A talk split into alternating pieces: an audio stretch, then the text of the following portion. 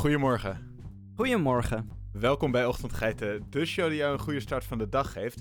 Wij zijn jullie gastgeiten. Mijn naam is Jeroen. En ik ben Sam.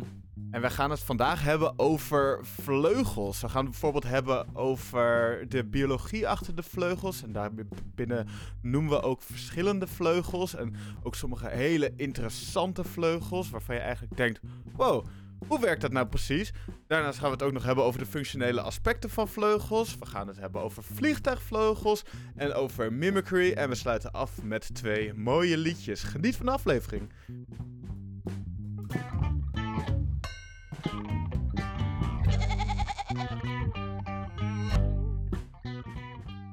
Ik vind het idee van vliegen lijkt mij echt heel erg cool. Gewoon het feit dat je gewoon door de lucht kan zoeven. Dat je over de thermiek van de, uh, van de, van de lucht heen kan gaan. Dat je gewoon op die manier van punt A naar punt B kan gaan. Ik heb wel een keertje heb ik ook geskydived uh, indoor. En dat is gewoon echt een fantastisch gevoel. Dus voor mij zou ook mijn favoriete superkracht is ook gewoon vliegen. Want ik vind het heel erg dope. Maar ja, wil je vliegen in deze wereld, dan heb je wel vleugels nodig, toch?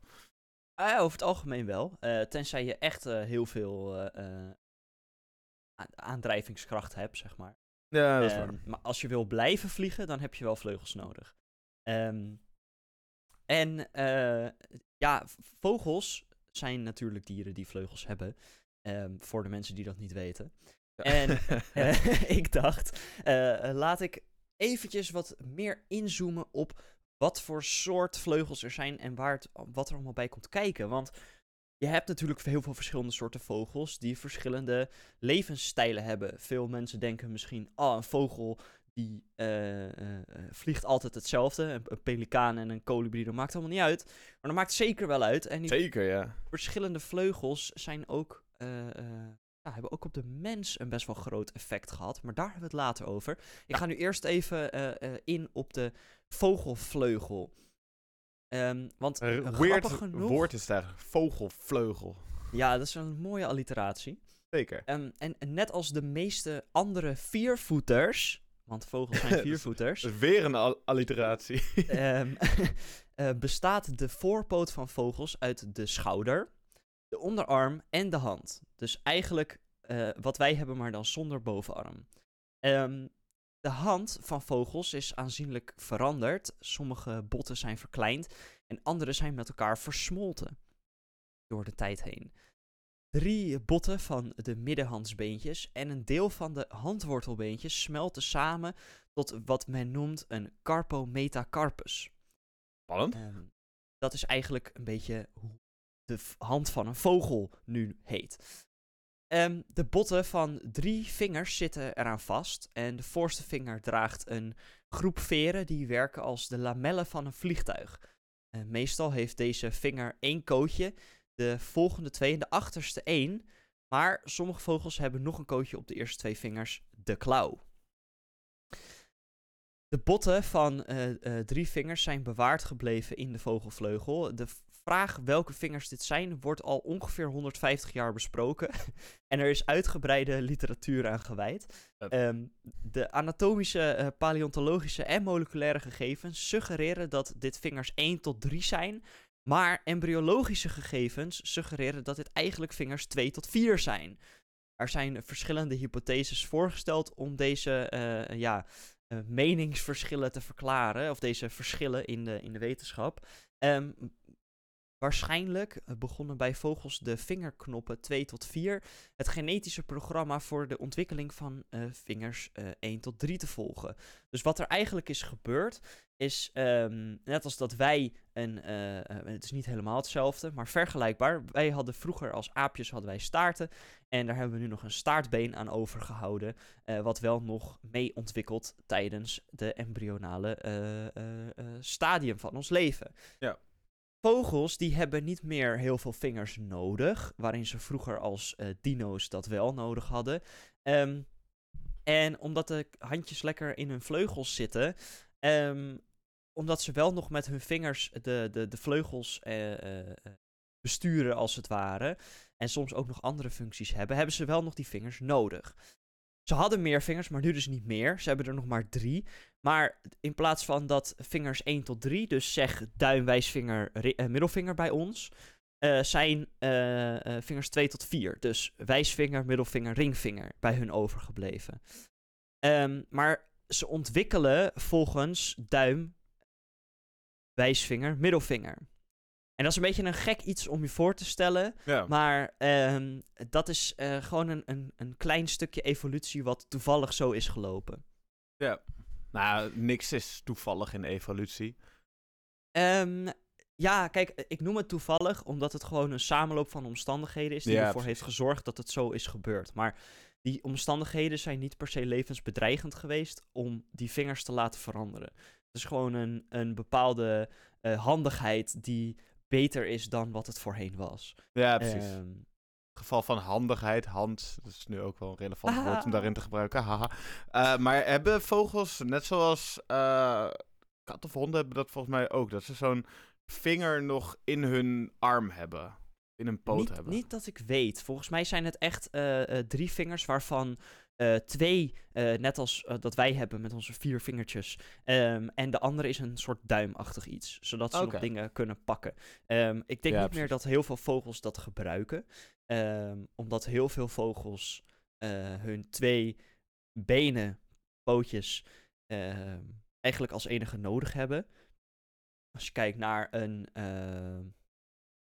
havik bijvoorbeeld, die jaagt vooral met zijn twee eh, klauwen en snavel. En die gebruikt voor de rest zijn eh, armen alleen maar om de vleugels te bedienen. Dus dat, dat wisselt per vogelsoort. Ehm, bijvoorbeeld vleermuizen die gebruiken wel nog actief hun, eh, hun, hun handjes. Mhm. Al zijn dat geen vogels, maar voor het idee qua lichaamsstructuur lijkt het er wel heel erg op. Ja. Ehm, de vorm van de vleugel, want dat is de rest van, van het hele vlieggeval, eh, is belangrijk bij het bepalen van de vliegcapaciteiten van een vogel. Logisch. Verschillende vormen corresponderen met verschillende afwegingen tussen voordelen zoals snelheid, laag energieverbruik en wendbaarheid. Twee eh, belangrijke eh, onderdelen om daarin mee te nemen zijn de hoogte-breedteverhouding en de vleugelbelasting. De hoogte-breedteverhouding is de verhouding tussen de spanwijdte en het gemiddelde van de koorden. Dat is, ehm, daar zit een formule achter, daar ga ik niet zo heel ver op in. Ehm, maar dat betekent eigenlijk ehm, hoeveel het oppervlak van de vleugels kan dragen ten opzichte van de spanwijdte. Ah ja. Ehm, eh, vleugelbelasting, verhouding tussen gewicht en vleugeloppervlak. De, Ja, meeste, de meeste soorten vogelvleugels kunnen worden gegroepeerd in vier types, om het wat makkelijker te maken, waarbij sommige tussen twee van deze typen invallen, om het wat moeilijker te maken. Deze soorten vleugels zijn eh, eh, elliptische vleugels, vleugels met hoge snelheid, vleugels met een eh, hoge hoogte-breedteverhouding en vleugels met gleuven. Elliptische vleugels, de eerste categorie, zijn afgerond en kort. Met dit type vleugel kun je heel goed manoeuvreren in kleine ruimtes, zoals dichte begroeiing. Elliptische vleugels komen veel voor bij bosvogels, eh, zoals kleine haviken en heel veel zangvogels. Vooral eh, niet-migrerende soorten, eh, eh, ja, die, hebben, die hoeven niet heel ver te vliegen, dus die hebben ook niet zulke hele grote dragende vleugels nodig. Eh, ze komen ook eh, voor bij soorten die snel opstijgen om roofdieren te ontwijken, zoals fazanten en patrijzen. Dan heb je hoge snelheidsvleugels. Dat zijn korte, puntige vleugels die in combinatie met een zware vleugelbelasting en snelle vleugelslagen zorgen voor een energetisch dure, maar snelle vlucht. Dit type vleugel komt voor bij snelvliegende vogels zoals eenden. Vogels die hun vleugels gebruiken om onder water te vliegen, zoals de alken, hebben ook kleine en langgerekte vleugels. Onder Er water te vliegen? Ja, je hebt vogels die onder water duiken. Ja, het, het vliegen Oh, tussen ja. aanhalingstekens. Ehm, en die gebruiken hun vleugels om zichzelf nog te manoeuvreren. Oké, Eh, oh ja. ja. Er is één vogelsoort die in deze eh, beide categorieën valt. En dat is de kolibrie. Ehm, en volgens mij, als ik het goed aan de lucht voel, heb jij daar eh, wat over te vertellen. Ja, zeker. Want de kolibrie is echt een fantastische vogel. De kolibrie die is eh, de enige vogel die, die in staat is om achteruit te gaan vliegen. En dat is best wel weird als je erover nadenkt. Hoe een vleugel in elkaar zit. En hoe het hem dan lukt om achteruit te eh, vliegen. En dit is mogelijk omdat het een hele unieke structuur heeft van de vleugel. Het heeft namelijk uh, speciale draaiende bewegingen. En dat zorgt ervoor dat zij dus gewoon in de lucht kunnen blijven zweven. Of zelfs achteruit kunnen vliegen. Wat echt dope is. Uh, de kolibrie doet, uh, die heeft een echt ongelooflijk hoog metabolisme. En hij moet eigenlijk constant nectar verzamelen om aan zijn energiebehoeften te voldoen. Het vermogen om achteruit te vliegen stelt daarom ook de kolibrie in staat om efficiënte toegang te krijgen tot nectarbronnen. Zoals bijvoorbeeld bloemen, die vaak heel erg moeilijk te bereiken zijn voor vogels. Want meestal zijn de bloemen, dat is een heel mooi iets waar uh, insecten gebruik van kunnen maken om daar nectar vandaan te halen. Maar dat is niet echt gewoon bij bloemen, dat die, uh, ik bedoel bij vogels, dat die met hun hasses de bloemen in kunnen. Want dat kunnen ze gewoon niet. Ja, dat heeft met hun snavelvorm uh, te maken, ja, precies. mij. Ja, dat is inderdaad. Ze, ze, hebben echt een hele, hele lange, puntige snavel. Waardoor ze echt helemaal in een bloem kunnen duiken. Ik uh, deed het achter mijn bureau, deed ik het bijna na. Maar dat heeft helemaal geen nut voor jullie als uh, luisteraar. En uh, de, naast dat de kolibrie dan ook super wendbaar is, is het ook echt een meester in het snel bewegen van zijn vleugels. Want gemiddeld kan een kolibrie zijn vleugelslagen maken met de snelheid tussen de 50 en 80 slagen per seconde tijdens een normale vlucht. Dat is moeilijk snel. Dat is heel snel. probeer het zelf maar eens met je, met je armen om tussen de 50 en 80 slagen per seconde te doen. Ik wens je daar heel veel succes mee. dat is uh, onmogelijk. Ja, dat, dat is echt onmogelijk. Ja, precies. Zeker. Deze snelle vleugelslagen stellen kolibries in staat om in de lucht te blijven hangen en achteruit te kunnen vliegen. En dus te manoeuvreren met ja, echt ongeëvenaarde behendigheid. Je moet je voorstellen, wanneer je zo snel dus heen en weer kan gaan, dan kan je daar en je kan ervoor zorgen dat je je vleugels kan draaien, waardoor je stil kan staan en naar achter kan gaan. Dan kan je in principe gewoon alles doen, alle kanten op. Je bent eigenlijk een soort van, soort van helikopter. Ja, eigenlijk wel. Dus uh, waarbij de normale vleugels uh, vliegtuigen zijn, is het eigenlijk, uh, ja, is de kolibrie de helikopter. En dit opmerkelijke vermogen van de kolibrie om achteruit te vliegen, samen met dus de levendige kleuren en de snelle vleugelslagen, maakt het echt tot een van de meest fascinerende en bewonderende vogelsoorten ter wereld. En het toont ook mooi aan hoe je vleugels niet alleen kan inzetten ja, om in de lucht te bewegen en vooruit te gaan. Maar dat je daarmee ook unieke overlevingsstrategieën mogelijk kan maken in de natuur. Dus dat is echt helemaal tof. Het is wel zo dat. Uh, kijk, het is natuurlijk echt een, een hele unieke manier van vliegen. Um, maar er is een reden dat niet heel, meer vogels dit hebben. Um, want de combinatie van de vleugels en de snavel is de enige manier waarom de kolibrie kan overleven. Ja. Um, als de uh, andere vogels met andere snavels en lichaamsstructuren dit soort vleugels zouden hebben, zouden ze hele korte levensduren hebben en ook heel snel uitsterven. Omdat de manier waarop de kolibrie vliegt zo ontzettend veel energie verbruikt, ja. um, dat ja, hij moet eigenlijk ook constant uh, uh, iets te eten hebben. En met grote bloemvelden um, ja, is dat natuurlijk ideaal en, en helemaal goed te doen. Maar uh, daar heb je ook heel veel dichte begroeiing en, en andere ja, laag bij de grond. Dus je, je moet ook snel kunnen manoeuvreren, goed stil kunnen hangen um, en mee kunnen bewegen met zo'n bloem. Dus als een bloem door de wind wat achteruit gaat, moet jij ook achteruit kunnen. Ehm, dus zo'n kolibrie, uh, ja, het is eigenlijk een, een hele goede formule voor een vogel die uit bloemen eet. Um, maar uh, anderzijds is het eigenlijk een hele slechte vleugelvorm, uh, vliegvorm voor vogels. Het is, het, is, niet efficiënt. Het is gewoon heel snel op en neer flapperen, waardoor ze inderdaad veel energie verliezen. En daarom ook zo'n hoog metabolisme hebben. Ja, precies. Um, om, uh, dit is natuurlijk een hele hoge snelheid als het gaat om het, de frequentie van het flapperen van de vleugels. Um, maar je hebt ook vogels uh, met de hoge snelheidsvleugels, die uh, echt puur hoge snelheidsvleugels hebben, die echt niet zozeer snel flapperen, maar wel heel snel kunnen vliegen. En eh, een voorbeeld daarvan is de slechtvalk. Eh, die kent iedereen denk ik wel. Eh, de hoogste geregistreerde duiksnelheid van maar liefst 389 km per uur. Dat is echt Ehm, bizar. Dat gaat helemaal nergens over. Ehm, slechtvalken die hebben dus relatief grote vleugels, maar die sluiten ze gedeeltelijk tijdens het duiken. En dan krijgen ze een, een aerodynamica waardoor ze echt als een kogel naar beneden vallen. Ehm, dat is natuurlijk wel, kan je zeggen van, oh ja, maar hij duikt naar beneden, dus dan gaat hij sowieso sneller. Ehm, dan heb ik ook nog hier voor je, als je dat vindt, de gierzwaluw. Eh, die heeft namelijk de snelste rechte gemotoriseerde vlucht met 170 km per uur. En dat is Bizar alsnog snel. niet normaal snel. Echt bizar inderdaad. Dat ze zulke hoge snelheden kunnen halen. Dat, ze dan, dat je dan ook gewoon daarmee goed kan vliegen, goed kan manoeuvreren. Ik vind het bijzonder. Ja, het is natuurlijk ook. ehm, daar hebben we het wel eens eerder over gehad op het gebied van ogen. Maar ehm, ja, de, de ogen eh, eh, die, ver- die krijgen een beeld binnen, dat wordt verwerkt door je hersenen.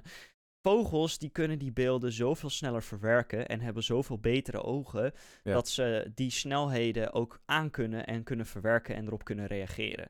Dus dat is ook wel een, eh, ja, wij kunnen het ons niet voorstellen omdat wij die snelheden niet kunnen bereiken en die reactiesnelheid niet kunnen hebben, omdat onze hersenen de beelden die wij zien niet snel genoeg kunnen verwerken. Nee, precies.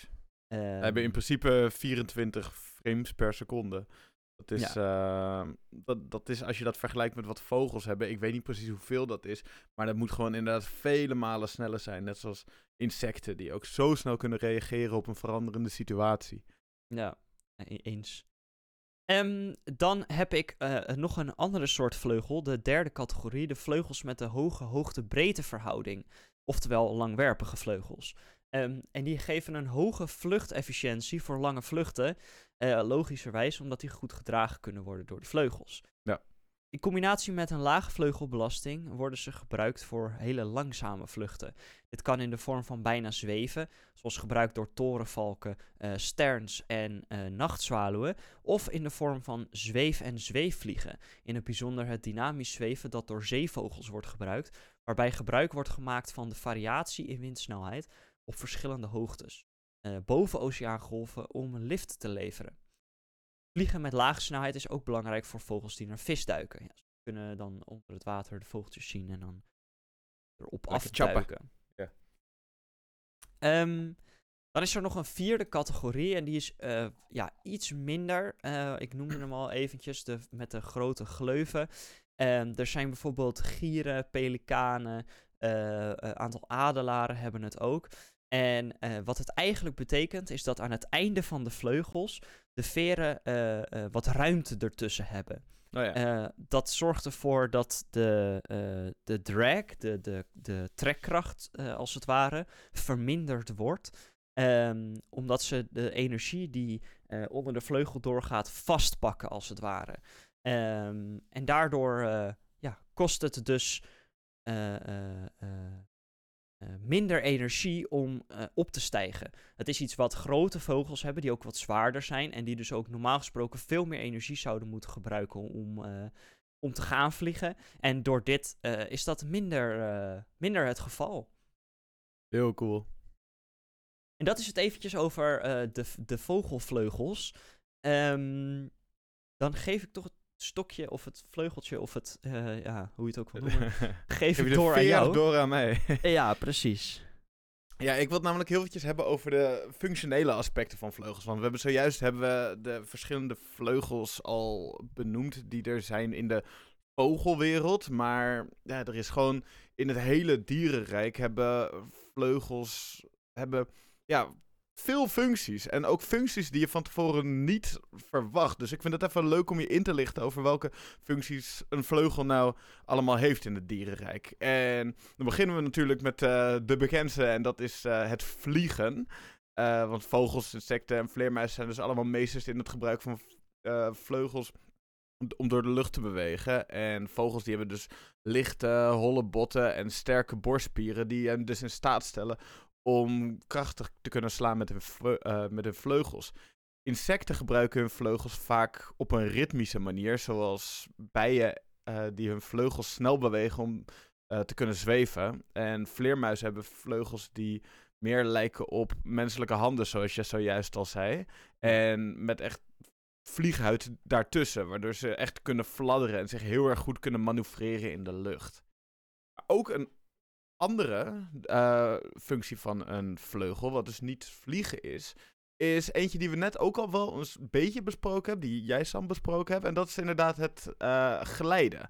Maar dan denk je inderdaad al snel bij, uh, bij het glijden wat de vleugels doen. Ja, bij inderdaad die grote vogels die bijvoorbeeld over de zee moeten gaan, een heel stuk moeten gaan. Maar bijvoorbeeld ook wat een soort vleugels zijn. Dat zijn uh, de vleugels van de vliegende eekhoorns. Want die kunnen daarmee ook heel goed gebruik maken om uh, te glijden. En deze dieren die maken dus ook gebruik van luchtstromen en thermiek om zich voor te bewegen zonder actief te slaan met hun vleugels. En dit is ook een hele effectieve manier om energie te besparen tijdens het vliegen. Wel echt, echt strijders hoor, die vliegende ja, eekhoorns.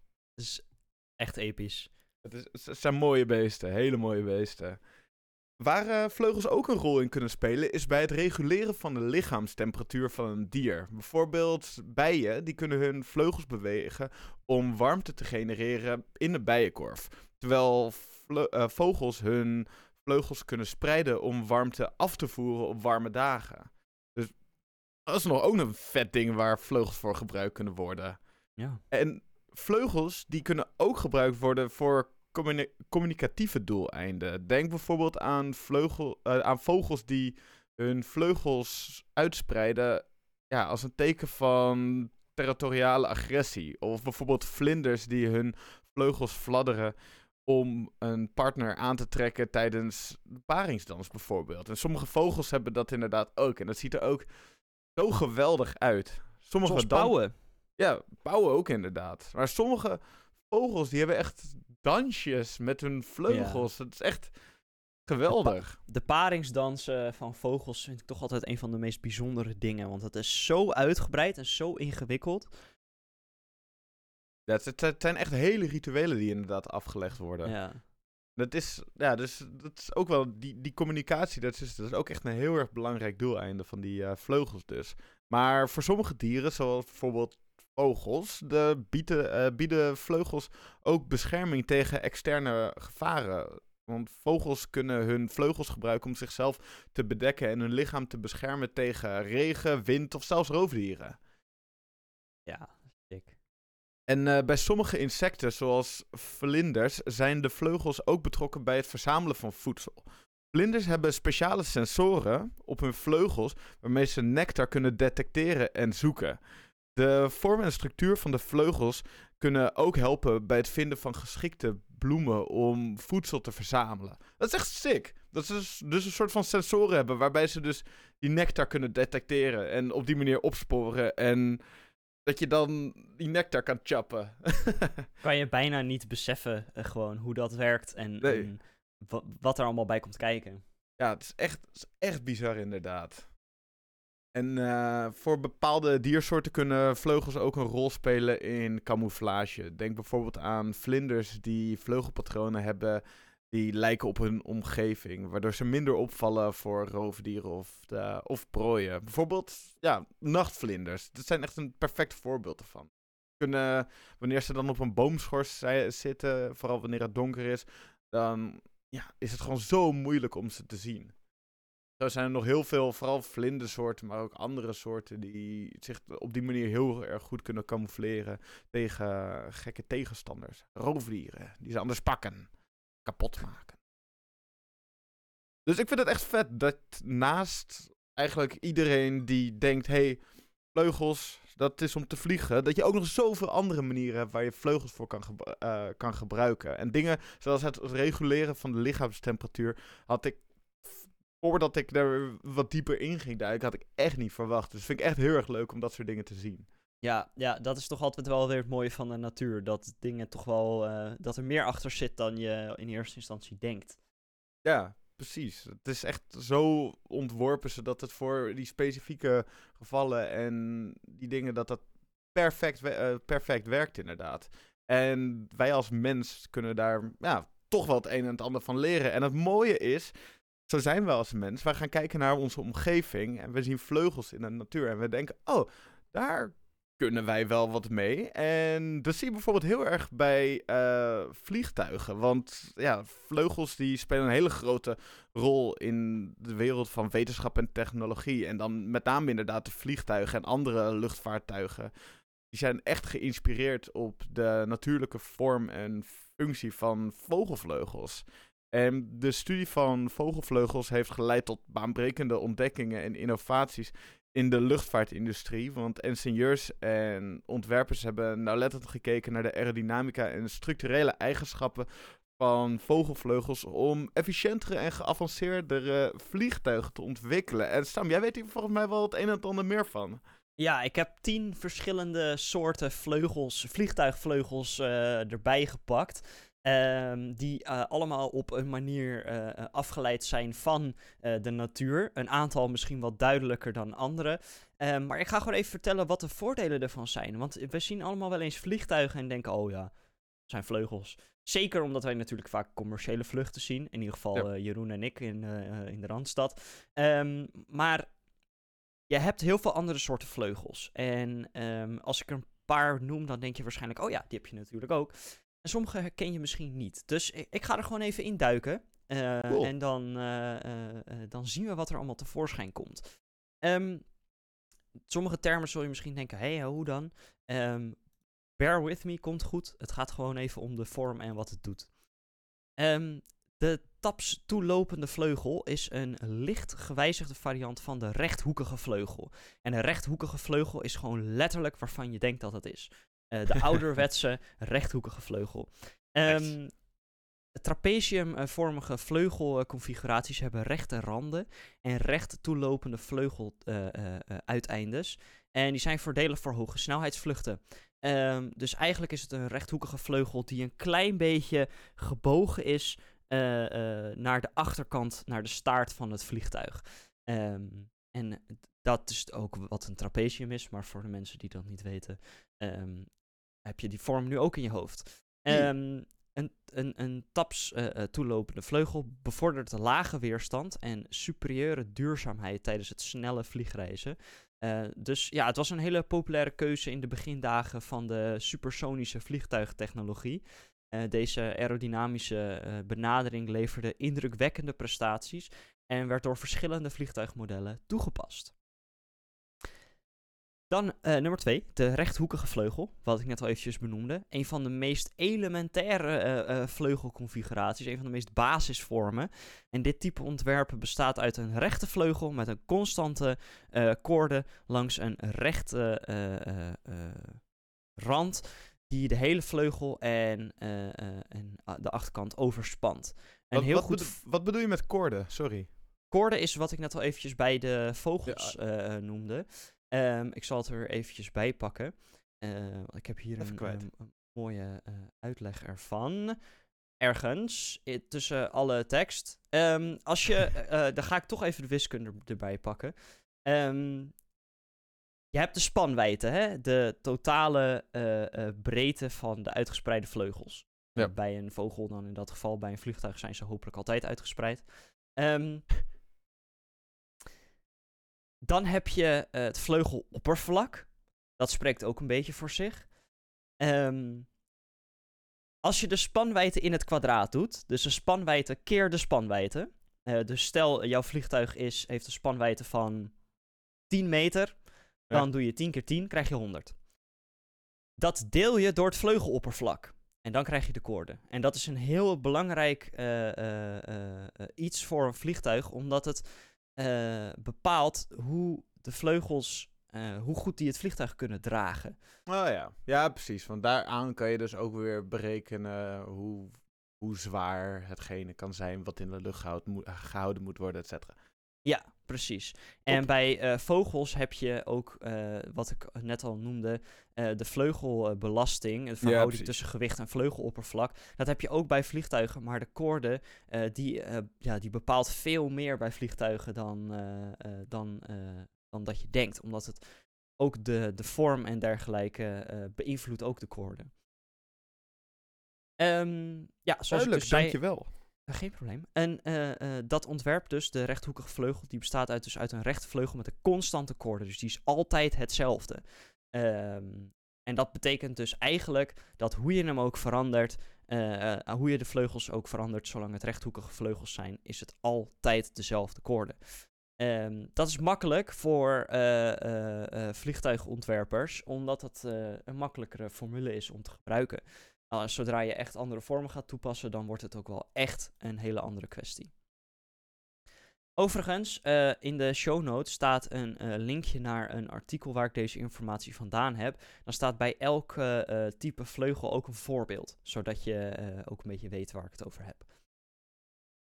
Dan heb je het meelvleugelontwerp en die configuratie doet zijn naam eer uiteraard aan de vleugels die lijken op die van een zeemeeuw. Uh, ze hebben een zichtbare knik in de binnenste vleugelsectie. Um, en ja, die vleugel die verbeterde het zicht door een dunnere uh, vleugel bij de romp te creëren. Waardoor het zicht van de piloot minder werd belemmerd. Uh, deze configuratie werd voor het eerst gebruikt bij zweefvliegtuigen. Voordat het ook um, bij watervliegtuigen werd toegepast. nou ja, ik weet niet of je wel eens een zweefvliegtuig hebt gezien, Jeroen. Um, Jazeker. Ja, die hebben inderdaad zo'n zo'n knik in de vleugels zitten. Het gaat ja. eerst een klein beetje omhoog en dan een klein beetje naar beneden. Om echt die uh, onderwaartse, uh, uh, dat onderwaartse lucht meer op te vangen. En dus ja. ook langer te kunnen zweven. Ja, precies. Echt die thermiek zeg maar meepakken van de, van de lucht. Ja, en dit is een perfect voorbeeld van kijken naar de natuur. Want eh, zoals ik net al noemde, deze vorm van vleugels, die zijn letterlijk voor zeevogels, zodat ze langer kunnen zweven. Ja. Um, dus dat is, ja, dat is... Uh... Dat is mooi. De natuur gaat ons voor, laat ik het zo zeggen. Precies. Um, uh, men was wel van mening uh, dat... even kijken hoor ja, dat het alleen eigenlijk bij zweefvliegtuigen gebruikt kon worden. Bij watervliegtuigen tegenwoordig, ja, je hebt ze nog wel, maar een stuk minder. Um, ja, daar zie je toch wel ook heel veel rechthoekige vleugels. Um, en op elkaar gestapelde vleugels. De, ja. de echte ouderwetse vleugels. Dat zijn mooi hoor. Ja, heel mooi. Dan heb je de omgekeerde meelvleugel. Um, en die configuratie werd ontwikkeld in de uh, uh, jaren 30. En werd voornamelijk gebruikt voor eenmotorige militaire vliegtuigen. En men was van mening dat het gebruik van een omgekeerde meelvleugel betekende dat het landingsgestel korter kon zijn en in, uh, uh, ja, in, een, in een rechte manier kon worden ingetrokken. In plaats van dat het omgevouwen moest worden, kon het gewoon recht omhoog.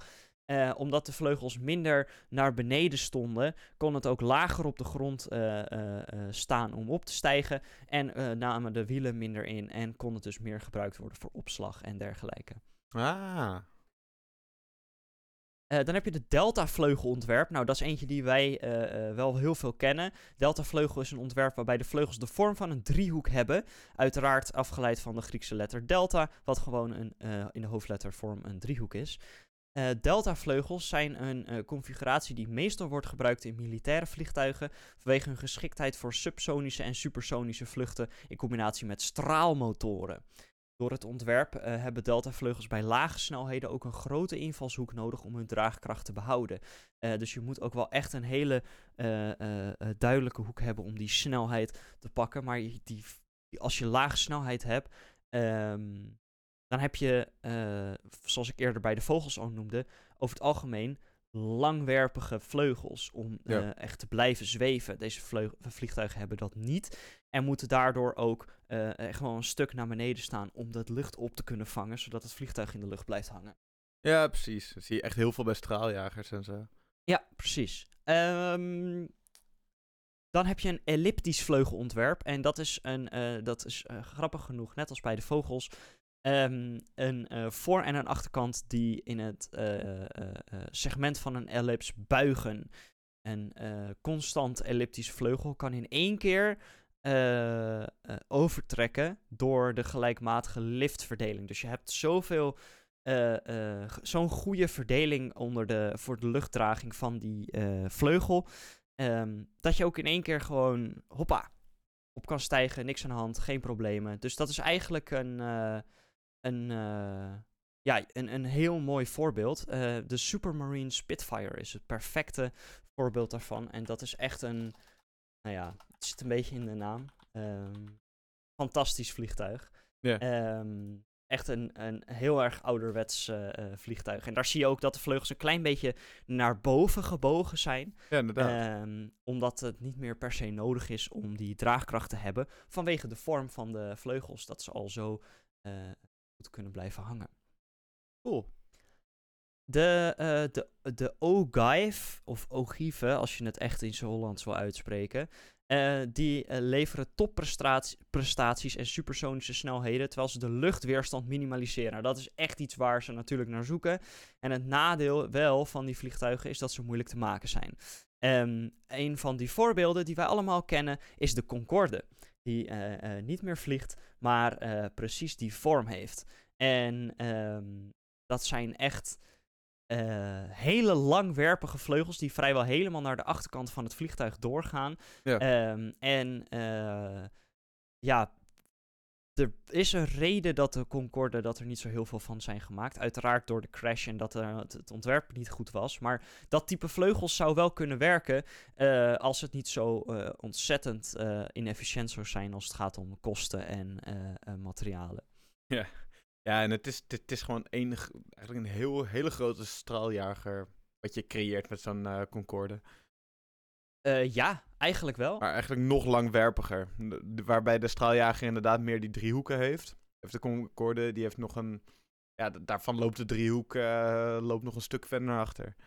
Ja, precies. Ehm, dan ga ik nu naar een hele gekke. De voorovergebogen vleugels. Ehm, en dat is een kenmerkend ontwerp eh, eh, van een eh, vliegtuig waarbij de vleugel een voorwaartse hoek maakt. Waardoor de middellijn van de vleugel naar voren buigt. En dan zal je denken van, hè, bedoelt hij dat echt? Ja, de vleugelpunt wijst naar voren. Naar de voorkant van het vliegtuig. Oké. Ehm, een voorbeeld hiervan is de Sukhoi Su-40.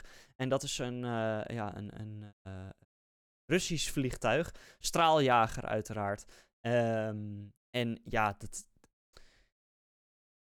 Het is eh, door zowel Rusland als de VS uitgeprobeerd, maar het heeft nooit echt tot een productievariant geleid, omdat geen enkel materiaal sterk genoeg was om de extreme krachten op de vleugelpunten te weerstaan. Ehm, als het eh, eh, het is uiteindelijk Sukhoi wel gelukt, omdat ze aeroelastisch composiet gebruikten. Ik ga er niet helemaal in wat dat is, maar ehm, dat is eigenlijk een materiaal wat licht is en alsnog heel stevig. Die punten die zorgen ervoor dat ze heel erg wendbaar zijn. Die vliegtuigen die kunnen ontzettende, eh, eh, bizarre, snelle eh, veranderingen in richting maken. En dat maakt ze hele goede gevechtsvliegtuigen. Dan ziet er, je- het ziet er ook zo bizar uit, hè? Ja, Als het je is heel een foto van surrealistisch. ziet, dat, het, is, het gaat tegen alle, alles wat je kent van vleugels gaat er tegenin. Het is heel Ja. weird. Ik denk ook niet dat het een vliegtuig is die heel efficiënt is in het eh, eh, brandstofgebruik, omdat hij niet echt kan blijven vliegen zonder de eh, grote krachten van de straalmotor. Ehm, maar ja, die vleugels zorgen er wel voor grote wendbaarheid. Cool. De teruggebogen vleugels zijn vleugels die vanaf hun wortel, vanaf hun ehm, eh, middenpunt aan de. ja, hoe zeg je dat?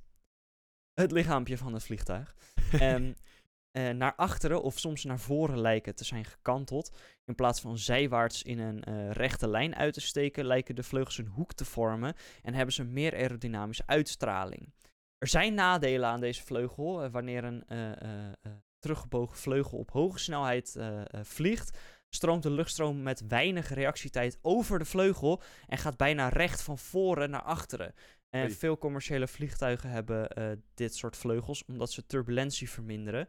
Het ontwerp eh, vertraagt de lucht die over het oppervlak van de vleugel beweegt. Ehm, dus dat, wat dat betreft is het wel een, eh, een eh, heel praktisch ontwerp. Ja. Maar dus niet op hoge snelheden, daarom wordt het ook niet gebruikt bij straaljagers of iets dergelijks. Nee, precies. De één na laatste, de variabele slagvleugel, is een, een, vlieg, een, een vliegvleugel onderdeel ontwerp die tijden, dat tijdens de vlucht kan worden aangepast. Het zit een beetje in de naam. De spanwijdte kan tijdens de vlucht worden veranderd van recht naar teruggezwaaid en omgekeerd. Deze vormverandering zorgt voor een betere controle en aerodynamische efficiëntie. Eh, ja, daar kan je dus echt gewoon volledig op aanpassen. Ehm, de Mirage G is een goed voorbeeld hiervan. Eh, die kan de vleugels als het ware eh, vrijwel helemaal zijwaarts doen, bijna als een trapezium, en helemaal naar achteren klappen om hoge snelheden te dragen. Dus eigenlijk is dit heel slim, want je kan ervoor zorgen dat je op lage snelheden minder brandstof hoeft te gebruiken, omdat je goed gedragen kan worden. Ehm, en op, en op hoge snelheden minder brandstof kan gebruiken, omdat je minder weerstand hebt van de vleugels die uitsteken. Dus dat is wel echt een, een geniaal iets. De laatste, de schuine vleugel, is een, een vliegtuigvleugel die uh, ook van vorm kan veranderen. En die heeft een centraal scharnier. Uh, dat wanneer die gedraaid wordt, het ene uiteinde van de vleugel naar voren duwt en het andere naar achteren. En dan moet je bijvoorbeeld denken aan NASA. Uh, ik altijd aan NASA.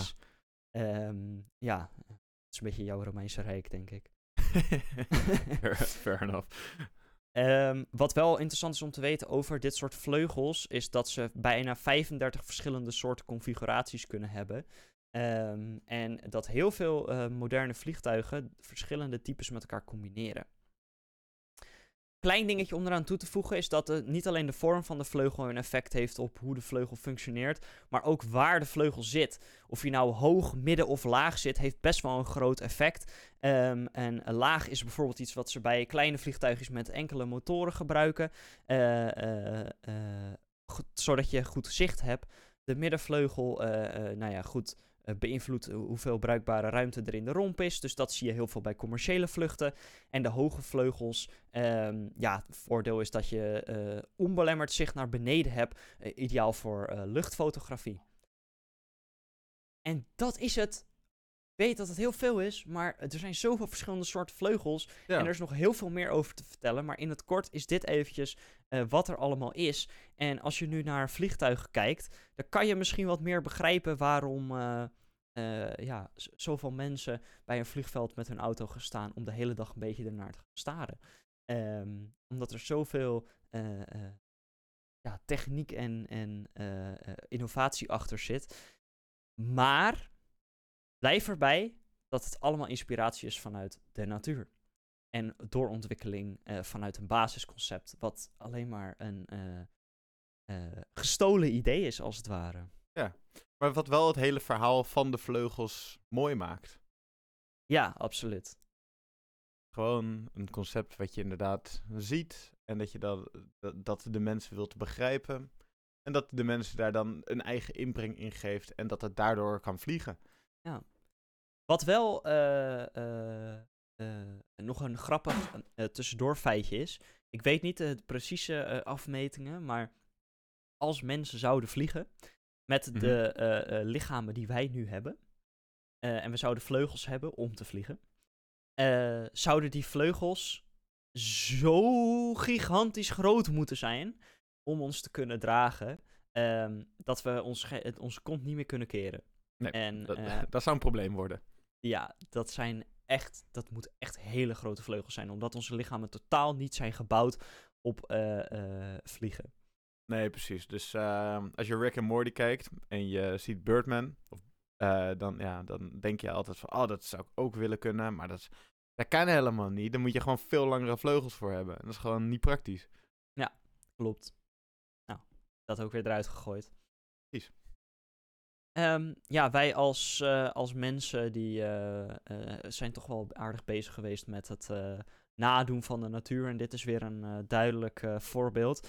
Um, en over de rest van het nadoen van, geef ik hem toch wel even door aan jou, Jeroen. Yes, want st stel je eens voor, je bent een roofdier op zoek naar een smakelijke maaltijd. Je hebt geleerd om bepaalde kleuren en patronen te associëren met gevaarlijke en onsmakelijke prooien, bijvoorbeeld giftig. bepaalde kleuren moet je gewoon niet eten, want het is vaak giftig. Zoals nou, kikkertjes. Precies, zoals kikkertjes inderdaad. En wat als ik jou nu vertel dat sommige vlinders de kunst van de imitatie perfect kunnen beheersen? Want er is een fenomeen, dat is bekend als mimicry. En het is echt een ja, werkelijk wonder van de natuur. Want sommige onschadelijke vlinders, dus gewoon vlinders die aan het viben zijn en niet giftig zijn, die hebben bepaalde vleugelpatronen weten te ontwikkelen die heel erg opvallend lijken op die van eh, giftige en onsmakelijke soorten. Dus ze bootsen eigenlijk hun gevaarlijke neefjes en nichtjes na om roofdieren af te schrikken en om zichzelf daarmee te beschermen. Dat geniaal. Dat is Eh, inderdaad heel erg, heel erg geniaal. Ja, precies, precies. En een van de meest opvallende voorbeelden van mimicry eh, vinden we bij de monarchvlinder en de Fitzroy-vlinder in Noord-Amerika. De monarchvlinder is giftig vanwege de chemische stoffen die het als rups heeft geconsumeerd, terwijl de Fitzroy-vlinder volledig onschadelijk is. Ondanks dit feit heeft de Fitzroy-vlinder vleugelpatronen ontwikkeld die heel erg sterk lijken op die van de monarchvlinder. Wat echt een hele mooie vlinder is. Ehm, deze strategische camouflage biedt bescherming tegen predatie, omdat roofdieren de visrooivlinder daarom ook vermijden, vanwege dus die gelijkenis met de giftige monarchvlinder. Dus ja, het is echt verbazingwekkend hoe het onschuldige, eh, hoe deze onschuldige vlinders hun vleugels dus gebruiken om een illusie van gevaar te creëren en zo hun overlevingskans te vergroten. Dat is wel echt bizar. Ja, Ik ga hierbij wel heel erg eh, off-topic, maar eh, ik vind het wel even... eh, jij zegt dit nu en er schiet me iets te binnen. Ehm, Ja, ga, ik ben toch klaar over de mimicry, dus let's go. Star Wars, hè? Ja, Star Wars. Daar heb je eh, eh, ehm, de ene, enige echte Viceroy. Mhm. Degene die roept, it's a trap! Ehm, van de Trade Federation. Ja, ja, ja. de- It's a trap! Ja, zou eh, Viceroy vernoemd zijn naar de vlinder? Dat zou best wel goed kunnen. Maar, Als je dit zo vertelt. maar in welke, in welke, welke vergelijking? Ja, hij kan misschien een beetje op een vlinder lijken, maar ook weer niet, zeg maar. Nou, niet in zozeer dat hij lijkt op een vlinder, maar meer dat hij eh, eh, doet wat. of dat het verhaal da- op dat punt doet wat eh, de Viceroy vlinder ook doet. Ehm, dat hij doet alsof hij een. een eh, dat het allemaal. eh, dat het lijkt op het Oh. ene, maar dat het andere gebeurt. Ja, Ehm, eigenlijk gewoon om aan te geven dat er een plot twist in het verhaal aankomt. Door een character de naam Viceroy te geven.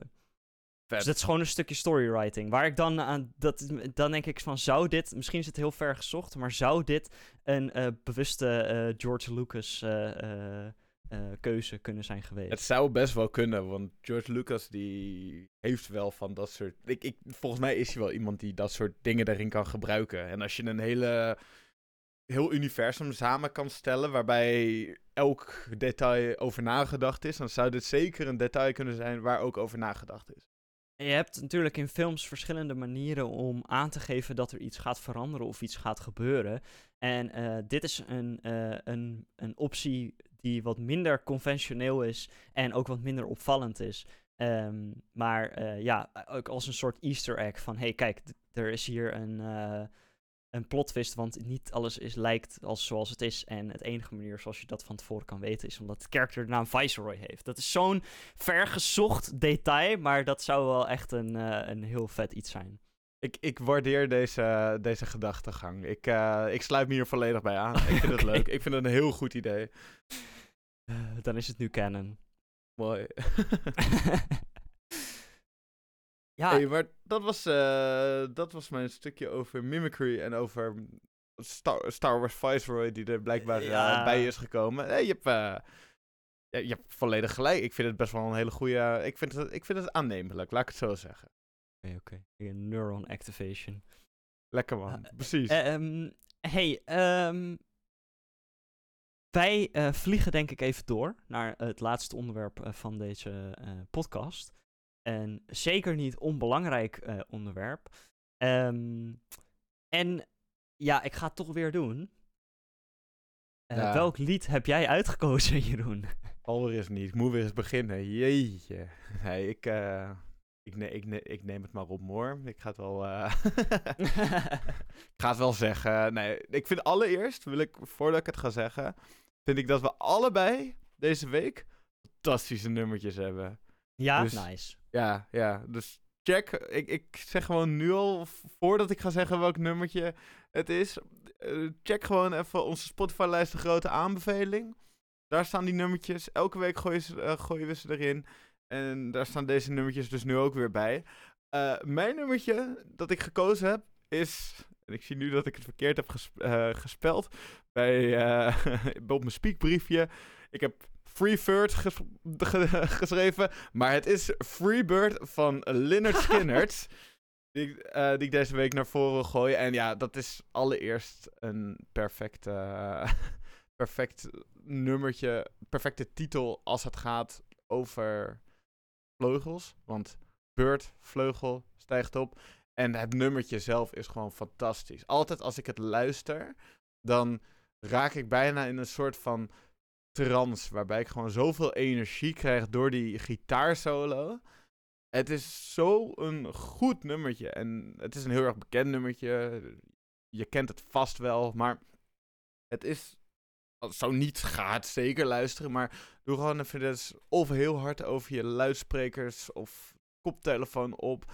En ga gewoon eventjes ervan genieten. Want och, och, och, wat is het nummertje. Een goed nummertje. En dan voel je het nummertje zelf. Het heet dus Freebird, maar je voelt door het nummer, voel je je ook zo vrij als een vogel. Er zit een eh, verdere gelaagdheid in die een beetje luguber is, maar eh, eh, toch wel genoemd moet worden. Ik ben benieuwd welke gelaagdheid je kiest. Of je, het, of je de, de originele gelaagdheid gaat noemen, of degene die er later opgeplakt is. Ehm Lynyrd Skynyrd is een band die ehm, eh, niet meer bestaat. Omdat zij zijn overleden in een vliegtuigongeluk. Dus ehm, de vleugels hebben hun gefaald in dat punt. Ehm, dus dat is de gelaagdheid die ik, eh, waar ik op doelde. De, eh, het feit dat wij in een aflevering over vleugels eh, het lied Freebird kiezen, heeft natuurlijk meerdere lagen. Het is, een, het, je, het is een fantastisch lied. De solo, zodra die helemaal inkikt, dan je weet gewoon niet wat je gebeurt. Elke keer weer, hoe vaak je het lied ook hoort. Ehm, het is het, he- denk ik wel het bekendste lied in Amerika. Ehm, maar eh, helaas, de vleugels die de band zou moeten dragen, eh, hebben hun gefaald. Maar daar is toch alleen eh, Ronnie ehm, overleden. Dus de, ehm, de. Wat was het ook weer? Wat was een onderdeel van de, van de, van de band ook weer? Er is toch gewoon één lid van overleden? Of is heel Lynyrd Skynyrd overleden? Want dat. Voor zover ik weet zijn ze allemaal eh, ten onder gegaan. Echt waar? Niet. Eh, so- Sorry voor deze abrupte onderzoeksdingetje, maar nu wil ik het weten ook tijdens, eh, tijdens deze aflevering. Eh, eh, ja, Verwierf eh, de- begin jaren 70 bekendheid onder het leiderschap van zanger en songwriter Ronnie van Ron- ja. Zand, totdat hij met al- enkele andere bandleden omkwam bij een vliegtuigongeluk. Oké. Ah. Ja, precies. Dus daarna, want ik weet dat ze het daarna nog wel ook eens live hebben geprobeerd te spelen met de mensen van de band die dan overgebleven waren. Maar dat dat gewoon ja, echt een beetje te, te pijnlijk was. En ik dacht dat het alleen Ronnie was die overleden was. Maar dan zou het best wel inderdaad kunnen dat, eh, dat, de, andere, eh, dat de rest van de... Dat, dat ze niet allemaal meegegaan zijn. Want ze zeggen hier ook enkele andere bandleden. Maar ja, Ja, van ik niet Zand, eens. eh, Steve. Gaines, zijn zus Cassie Gaines, manager Dean Kirkpatrick en beide piloten kwamen om het leven. Shit, man. Ja. Dat is inderdaad... eh, dus dat, dat is ergens... Volgens mij werd het ook later... werd het wel een aantal keer live gespeeld. Maar toen kreeg het inderdaad ook meer de betekenis van... eh, dat ze nu vrij zijn. Dat ze nu eh, hoog in de hemel zijn, om het zo te zeggen. Zelf En- zijn ze nu vrije vogeltjes. Ja, precies. En, maar het heeft, oorspronkelijk heeft het de betekenis van man en vrouw die uit elkaar gaan. En omdat een man die voelde zich gevangen in een relatie en die, wil, die wilde eigenlijk vrij, free as a bird zijn. En daar gaat het eigenlijk oorspronkelijk het nummer over. Ja. Maar het is echt een fantastisch nummertje om, eh, om te luisteren. Het is grappig, want ik noemde al even, in Amerika is het een van de bekendste, als niet het bekendste lied. Als er Ja. een band, eh, of het nou een, een rockband of een metalband of wat dan ook, in Amerika speelt, is eigenlijk altijd wel iemand in de menigte die roept, Oh, can you play Freebird? Ehm, En dat is eigenlijk, ja, het is een beetje een meme geworden, maar eigenlijk altijd wel het geval. Het is net als de Can you play Wonderwall? maar dan Ja. is Wonderwall niet zo, niet zo moeilijk als Freebird. Ja, mensen, eh, of, heel veel eh, mensen zien eh, Freebird als het beste lied ooit gemaakt. Met de meest onmogelijke solo om ooit te spelen. Ehm, het is een hele mooie en hele bijzondere en hele moeilijke solo. Maar er zijn toch wel echt liedjes waarvan je denkt, hmm. Eh, en ook eh, eh, composities die ook wel een stuk ouder zijn dan Freebird. Die toch wel een heel stuk moeilijker zijn om te spelen dan de solo van Freebird. ja, wil ik niet-. Het lied aan ten onder doen hoor, maar ehm, ja. Nee, ik zie alweer hoe het zit hoor, verdorie. Nee, maar het, het is inderdaad, er zijn ook nog, er zijn heel veel andere composities en stukken en solo's die, eh, die moeilijk zijn. Heel erg moeilijk zijn. Dus om het echt te noemen dat dit de moeilijkste is, dat is, ja. Dat, dat, dat, is, dat is misschien niet zo. Jij hebt in ieder geval ook een nummertje met een hele goede gitaar. Ja, en ook eentje die je eigenlijk niet na kan doen. Ehm, dit is een, eh, een lied origineel geschreven door Jimi Hendrix. Nou, daar heb je, het al, heb je al een gitaarlegende. Ja, Eh, ik heb het een beetje. Ik heb het over het lied A Little Wing. En eh, er is een gitarist genaamd Stevie Ray Vaughan. Die veel mensen van onze ouderlijke generatie kennen. Ehm, maar ja, helaas niet heel veel mensen eromheen. En Stevie Ray Vaughan heeft een cover gemaakt van Little Wing. En dat, is, dat gaat, het slaat gewoon helemaal nergens op. Het is Zo instrumentaal. Ehm, en elk detail van dat lied klopt. En eh, eh, is zo satisfying. Het, het, ik, ik kan gewoon niet anders uitleggen dan dat, hoe dat lied voelt. Het is zo eh, bijzonder. Ik ken het lied al best wel lang. En heb ik altijd al een van de beste liedjes ooit gemaakt gevonden. Ehm, ja, gewoon luisteren zou ik zeggen. En gewoon precies. ervaren. Want ik kan niet in woorden omschrijven wat hier is gecreëerd. Ja, heb hem eh, zo'n twee weken geleden heb je hem naar me toegestuurd. En ik luister hem ook nu regelmatig inderdaad, wanneer ik gewoon zin heb in een goede vibe. Dan zet ik hem op en het is zo goed. Ja, Ah, je wordt er zo in meegenomen. Echt als je de, story waar je doorheen gaat, echt een reis. Als je een momentje hebt om echt je volle aandacht erop te storten, dan is het e- sowieso een goed lied om te luisteren. Maar dan gaat het, e- gaat het echt tot een volgend niveau. Ja, we hebben beide nummers gekozen waar je gewoon echt in meegenomen wordt. Waar Ja. je gewoon, waar je echt in, in getrokken wordt en dat je gewoon, bij, eh, waar je gewoon echt volledige reis in meegaat. In Freebird is het dan een hele energieke reis.